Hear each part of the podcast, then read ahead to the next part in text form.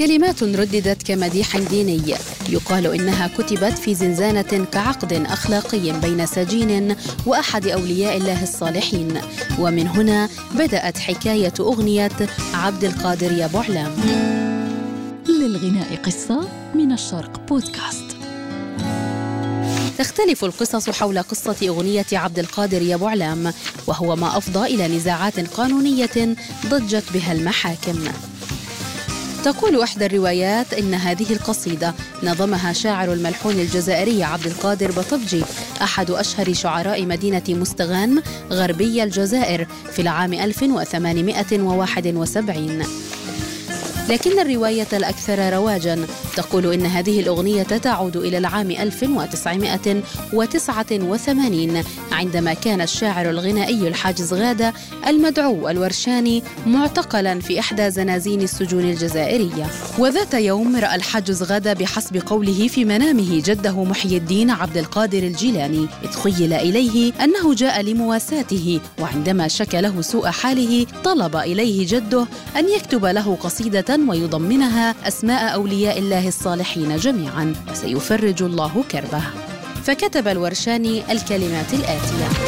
وعبد القادر يا ابو علب ذيق الحال عليا داوي حاليا ابو علب سيدي روف عليا سيدي عبد الرحمن دير مجهودك وتحاسب ونصارات القايم خديم خدير مديا يا سيدي بومتين وأنا في ارضك مأمن يا سيدي بومتين أنا في ارضك مأمن يا سيدي الهواري سلطان الغالي.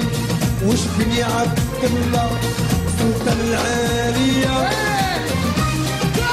كانت المفاجأة أنه بعد أيام قليلة من كتابتها خرج من السجن. وكاعتراف منه بفضل أولياء الله قرر تخليد قصيدته من خلال تحويلها إلى أغنية. وهكذا لحنها وغناها وسجلها لدى الديوان الوطني لحقوق المؤلف ثم أقدم عدد من المطربين على غنائها ولعل أشهرهم الشاب خالد ورشيد طه والعديد من فرق الرأي.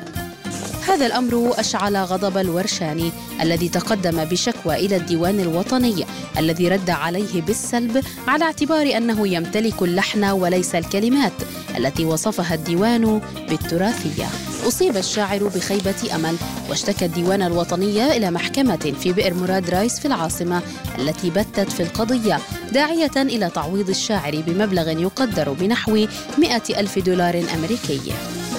لم يعجب هذا الرقم الورشاني الذي طلب تعيين خبير يحدد قيمة حقوق أغنيته لكن القضية بعد ذلك تاهت في المحاكم بسبب اصطدامها بجبل من المصالح المشتركة وتحولت إلى معضلة قانونية لم تشهد الجزائر مثلها عبر التاريخ. عبد القادر يا أبو علم ذاق الحال عليا.